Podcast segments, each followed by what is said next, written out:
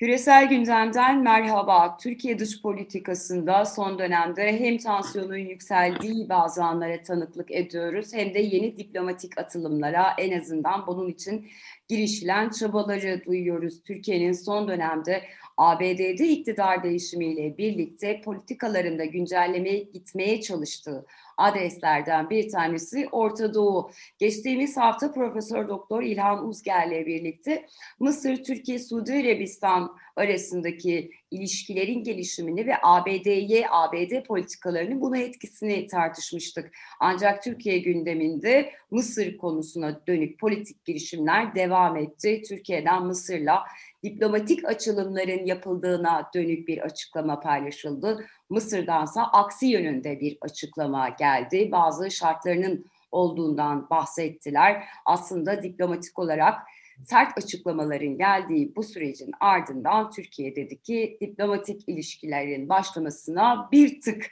seviyesine seviyesi var sadece. Bu bir tıkın ne olduğunu hiçbirimiz bilmiyoruz. İsterseniz Profesör Doktor İlhan Uzger'le birlikte buna yanıt arayalım. Türk dış politikasının son dönemdeki resmini çekmeye çalışalım. Hocam merhaba, hoş geldiniz. Merhabalar, hoş bulduk.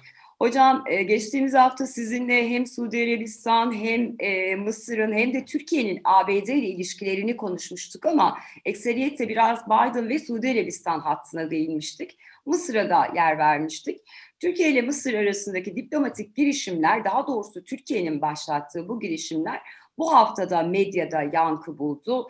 Dışişleri Bakanlığı'ndan gelen açıklamalar, Kahire'den gelen açıklamalar biraz e, bir karmaşaya neden oldu. Şimdi e, galiba bir şeyler görüşülüyor. Bu bu durumu son dönemi de dikkate alarak nasıl ele almak lazım? Türkiye neden Mısır'ın kapısında? Ee, ya Mısır'ın değil, hepsinin kapısında. Yani Biden'ın kapısında, Suudi Arabistan'ın kapısında, Avrupa Birliği'nin kapısında. Hatırlayın hani bir iki ay önce işte İbrahim Kalın Brüksel'de dolaşıyordu. İşte Biden'a e, sıcak mesajlar gönderiliyor. NATO'nun kapısında Türkiye. E, ben hani bu yaşadığımız dönemi Türk dış politikasının en zayıf anı olarak e, görebileceğimizi düşünüyorum. E, bu ölçüde hem içeride hem bölgede hem de küresel olarak bu kadar Türkiye'nin yalnız ve çaresiz olduğu bir dönem aşağı yukarı yok. ve karşılığında da işte Libya ile yapılmış ve sonradan Yunanistan'ın Mısır'la yaptığı bir deniz yetki alanları anlaşmasıyla neredeyse geçersiz hale gelmiş bir şey dışında, anlaşma dışında elde somut elle tutulabilir bir kazanç da yok. çok fazla düşman var ee, çok fazla Türkiye'nin karşısında yer alan ülke var düşman olmasa bile. Ee, çok fazla söz var. Bir eylem yok, ee, bir çıkış yok, bir plan yok, bir hazırlık yok. Böyle şey e, az önce çok iyi ifade ettim. Yani bazı ülkelerin kapısında diplomasi dilenen bir ülke konumunda Türkiye neredeyse. Yani Biden'dan telefon bekleyen, Mısır'ın e, Mısır'a yaptığı açılımın karşılığını bekleyen, Suudi Arabistan'a yaptığı açılımın karşılığını bekleyen, e, Yunanistan'la ilişkileri düzeltmeye çalışan ve bu da işin anlamadıkları nokta şu. Yani Türkiye ile ilgili her şey yakından takip ediliyor, biliniyor. Bunu söylüyorum. Hani e, internet çağında yaşıyoruz. Bu olmasa bile yani hani devletlerin bir sürü bilgi alma kaynakları var hala. Yani istihbaratları var, e, çalışan elemanları var. E, hele hele Türkiye gibi bir ülke ve bu yaşadığımız dönemde herhangi bir gelişme anında biliniyor, anında yazılıyor, çiziliyor bazı şeyleri biz hani yabancı sosyal medyada yabancının yazdığı şeylerden de e, haber yazdıklarından da haberdar oluyoruz. Dolayısıyla da Türkiye'nin bu yalnızlığı bu bir bakıma hani içine düştüğü e, çaresizliği çok yakından takip ediliyor. O yüzden de dikkat edin yani e, hiçbir ülke Türkiye ile sorunlarını çözmek için aceleci de davranmıyor. Şimdi bir tabloyu hani somutlaştırmak gerekirse Evet lütfen. Karşısında Türkiye'nin Amerika ile Avrupa ve deklare ettiler. İlk defa oldu bu. Ya darbe döneminde bile hani Amerika kollar Avrupa Birliği şey yapar, tepki duyardı falan. Hani evet bunu hep söylüyordunuz hocam. Bu noktada e, yani daha önce Türk dış politikası dönemlerinde yine siz derslerde de bize anlatırdınız. E, bir dengeleyici unsur olarak kullanılırdı. ABD çok sert çıktığında AB ile dengelenir. AB çok sert çıktığında ABD'den gelen yumuşak bir adımla Türkiye bunları dengelerdi. Ama şu anda iki taraftan da neredeyse bunu, benzer açıklamalar bunu geliyor. Birleştirebildi Türkiye yani AKP yönetimi. E, yani şöyle söyleyeyim hani biz bir daha tekrar edeyim hani Amerika'nın çok yakın müttefiği olsun Avrupa ne istediğini yapsın falan demiyoruz. Ama var olan koşullar içindeki siyaseti analiz etmeye çalışıyoruz. Yani Avrupa Birliği'ni ya bakın üç tane hani güç merkezi var yani Türkiye'yi daha yakından ilgilendiren Rusya, Avrupa Birliği, Amerika bunların arasında oynayabilirdiniz. Ve bunu söylüyorum. Mesela Mısır bunu çok daha iyi yaptı. Mısır'da ben e, S-400 füzesi alacağım. Mısır savaş uçağı alıyor Rusya'dan. Ama bu, bu, bu dengeyi çok iyi ko- ko- evet, korudu. Mısır'la ilgili hatta hocam e, silahlanma sürecinde sandviç benzetmesi yaparlar. Yani batıdan alır, Rusya'dan alır, tekrar batıdan alır ama bunu dengeler diye. Şey olarak da mesela Fransa ile de bu böyle bir rejim yani Sisi gibi yani Türkiye'den çok daha berbat bir rejim tabii. O bile yani Fransa'yı yanına çekebildi. Amerika ile yani Trump döneminde iyiydi. Biden döneminde o da sorun yaşayacak ve başladı. Ve Rusya'yı çok güzel dengeledi. Hani bu diplomasi mantığı açısından söylüyorum. Yoksa hani tabii ki yani Mısır'daki Sisi iktidarının ne olduğunu hepimiz biliyoruz. Şimdi Türkiye açısından sorun hem Avrupa Birliği hem Amerika'yı küresel olarak e, bir blok haline getirdi. E, NATO kolluyordu. NATO da tavır değiştirdi. Biden yönetimiyle birlikte. Avrupa Birliği ile yani kurumsal olarak Avrupa Birliği ile NATO e, bölgeye baktığımızda e, Mısır'la e, Suudi Arabistan bir blok. iki tane Arap dünyasının en iki en önemli iki ülkesi. iki karakteri evet. E, e, Suriye'yle de aran kötü, İsrail'le de aran kötü. İran'la da hani çok İran'la yani, yok hani evet. gündeme gelmiyor bile. Da idare ediyor falan. Dolayısıyla da ve bütün bunları yaşarken de hani bu yalnızlık, bu e, şey e, çıkış bulamama noktası sorunu Türkiye açısından e, Rusya hiçbir noktasında Türkiye'nin yanında değil. Yani şey yapabilseydi Türkiye e, Avrupa Amerika bloğuna karşı mesela dikkat ettiysen Batı bir blok olarak hareket etmeye başladığında Türkiye Rusya'ya doğru gidemedi. Evet. Tekrar batıya dönmek zorunda kaldı. Demek ki o zaman hani Rusya'nın dengeleyici olma işlevinin de sınırlarını bize göstermiş oldu. Erdoğan'ın Bloomberg'de o çıkan son yazısı bunun çok net göstergesi. Yani diyor ki hani Astana sürecinden hiç yok yok mesela orada Astana süreci falan. Yani Rusya ve İran'la halledecektir Suriye işini. Ve şey geldi mesela bombalamalar olmaya başladı. Ufak ufak mesajlar geliyor. Yani Rusya dediğim gibi Türkiye Rusya'yı dengeleyici olarak kullanamadı. Evet. Rusya'nın kucağına doğru gitti.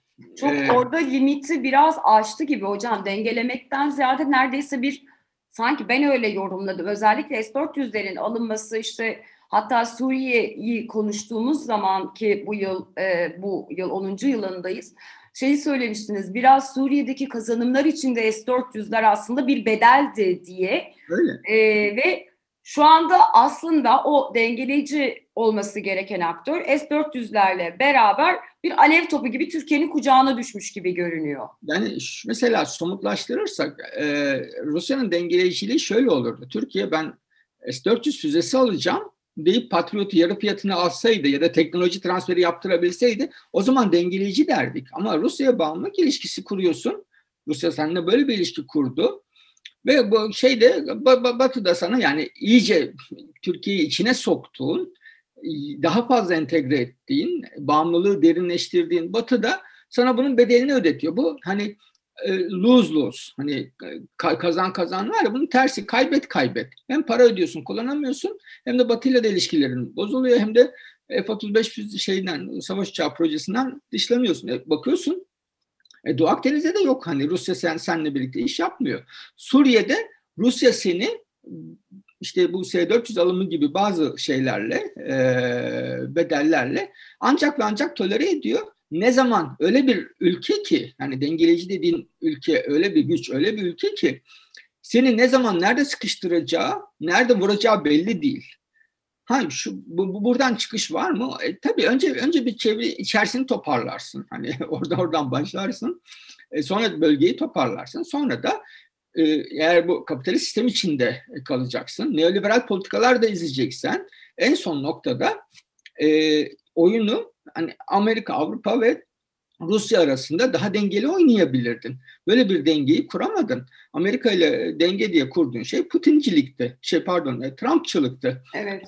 Onlar e, işte gördük politikayı. Trump gider gitmez çöktü.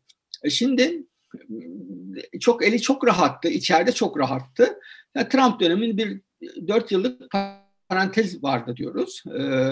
Yani uymuyordu yani Amerikan sisteminin bir sürü şeyinin ve bazı şeyleri de öngöremedik o yüzden. Çünkü başka şey girdi yani bir faktör girdi. Amerikan sistemini de bozdu. Yalnızca Türkiye ile ilişkileri değil. Rusya ile ilişkileri de, Almanya ile ilişkileri de bir sürü şeyden e, Amerika'nın kurulu e, dış politika e, çizgisinden sapmalar yaşadı Amerika ve dört yıl tahammül etti ve sonra gönderdi. Baktı ki olmuyor. Hani Trump'la gidilmiyor. Bu iş gitmeyecek ve hem Amerika'nın hegemonik pozisyonuna hem de müttefiklerle ilişkilerine zarar veriyor. Hem de Çin buradan e, kaybederek çıkmadı. Tabii. Dolayısıyla da o parantezi kapattı. Şimdi şey e, Türkiye açısından yani daha doğrusu AKP yönetim açısından tablo daha da daraldı. Daha da olumsuz hale geldi. Çünkü Avrupa Birliği ile şimdi Amerika, Avrupa Birliği, NATO ve e, şey Avrupa ülkeleri tekil e, şey Türkiye'ye karşı e, bir sürü alanda yani siyasetten ekonomiye ve e, insan hakları demokratikleşmeye kadar daha yoğun e, baskıda bulunacaklar. Ve bunun e, hazırlığı şu an yapılıyor. Biz daha bunu görmedik. Evet hocam ben de tam da e, bu, bu noktaya gelmek istiyordum. Yani aslında hem Avrupa Birliği'nden hem ABD'den insan haklarına, demokrasiye dönük e, bazen isim vererek, bazen vermeyerek, bazen doğrudan Türkiye'ye hedef alınarak e, aşınmadan, bundan duyulan rahatsızlıktan bahsediliyordu.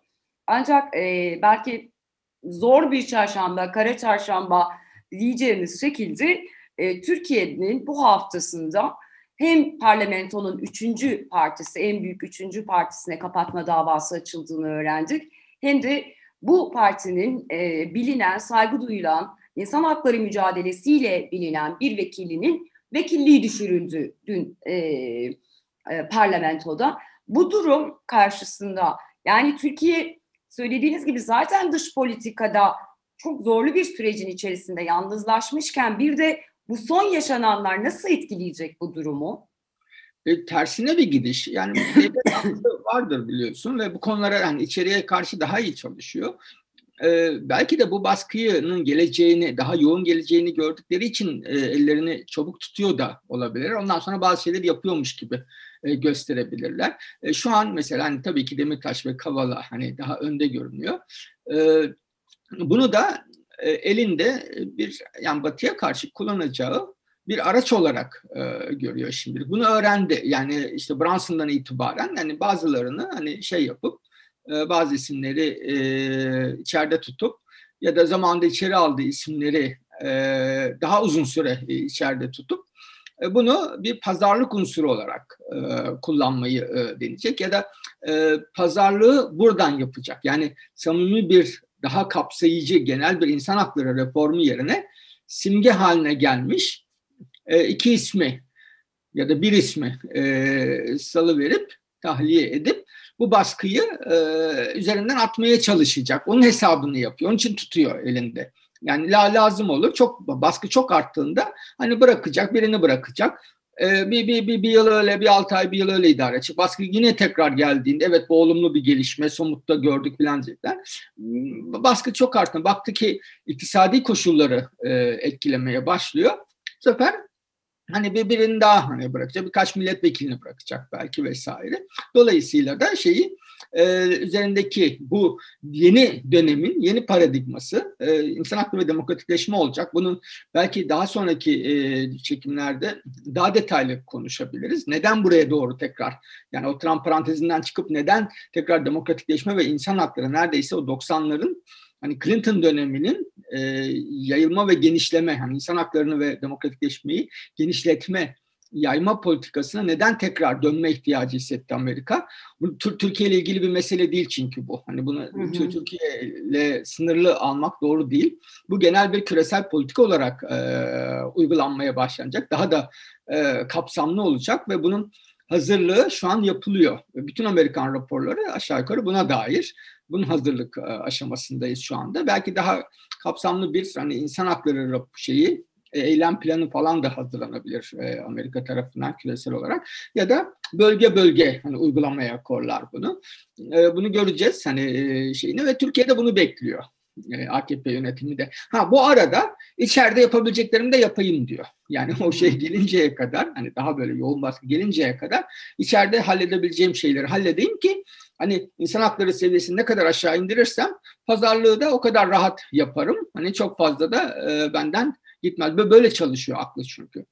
Anladım. Yani e, aslında biraz daha belki e, sert adımlar da görebiliriz bu süreçte. Dediğiniz gibi seviyeyi aşağıya çekip zaten olması gereken ya da hiç olmaması gereken bazı şeylerden taviz verdiği görüntüsü çizerek aslında yine hani vitrine belki de e, dönük bir projeksiyon içine girecek gibi görünüyor ama öyle kapsamlı, kucaklayıcı bir e, perspektif beklememek gerekiyor galiba. Hayır. Bu tamamen şey e, araçsal olarak görüyor. Ben bu, bu, bu buradan ne çıkartabilirim? Çünkü en iyi en iyi öğrendiği şey bu ustalık dönemi yani uz, uzatılmış ustalık döneminde en iyi öğrendiği şey e, siyasetteki en olumsuz e, gelişmeleri bile kendi lehine çevirebilme becerisi. Ya aklı akıl hep böyle çalışıyor. Yani ben ben nasıl hani hizmet edeyim, geliştireyim, ilerleteyim falan değil. Yani bu bunu iktidarda kalış sürecimi uzatacak, benim el, bana güç verecek bir koza nasıl çevirebilirim? Yani bütün enerjisini, dikkatini buna yoğunlaştırıyor ve aklı böyle çalışıyor. Eğer bir AKP aklı varsa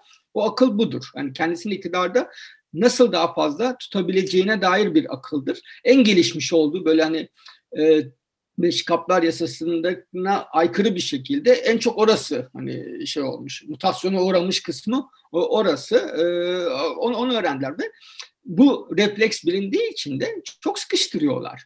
Yani Mısır'da senin önüne şeyle geliyor. Al sana 10 tane e, madde diyor. Evet. Ve inanılır gibi değil yani o maddeler ve cevap da yok onlara. Hani böyle işlerinden mesela böyle siz kim oluyorsunuz da hani bunları ey bilmem kim falan bu bunlar da yok. Suudi Arabistan topu Mısır'a atıyor. Diyor ki evet. sen Mısır'ı düzeltmezsen ilişkilerini ben benle düzeltemezsin diye ve Türk mallarına yaptığı şeyi yani boykotu ağırlaştırıyor. Dolayısıyla da hepsi görüyorlar. Yani ihtiyacı olan Türkiye çünkü. Evet. Yalnız kalmış olan Türkiye. Kendi kendini bir şeyin içine soktu. Kendine de zarar verdi. Türkiye'ye de zarar verdi bu, bu iktidar. Şimdi buradan nasıl çıkarım? İnsan haklarını burada nasıl kullanırım? Hani dış politikada. Bunun hesabı içinde. Yani bir şeyi, yani bu demokratikleşmeyi dış politikada iktidarını uzatmak için dış politikada bir araç olarak e, görüyor ve sonuna kadar da kullanıyor. Tıpkı Suriyeli mültecileri dış politikada bir araç olarak kullandığı gibi. Anladım. Çok teşekkür ederim hocam. Çok sağ olun. Hem Türkiye iç siyasetinde olanların anlamını ve küresel olarak ABD ve AB'ye yönelik verdiği mesaj ya da bu stratejinin ne olduğuna dönük e, olan durumu netleştirdiniz. Hem de Türkiye'nin Mısır, Körfez ve Orta Doğu'da e, Rusya ile AB, ABD blok arasındaki savrulması belki de dengeleyicilikten ziyade savrulma ve e, hani tabiri caizse ne İsa'ya ne Musa'ya güvenebilme e, sürecini bize aktardınız. Teşekkürler tekrar. Ben teşekkür ederim. Profesör Doktor İlhan Uzger'le birlikte bu hafta yakın dönem Türk dış politikasındaki gelişmeleri size olabildiğince aktarmaya çalıştık. Türkiye'nin Körfez mesaisini, Kahire kapılarına gitmesini, Washington ve Brüksel'den gelen açıklamaları, içeride yaşanan bazı antidemokratik uygulamaları ve insan hakları ihlallerinin geleceğe dönük nasıl bir projeksiyona yaslandığını dilimiz döndüğünce aktardık. Bizi izlediğiniz ve dinlediğiniz için çok teşekkür ederiz. Hoşçakalın.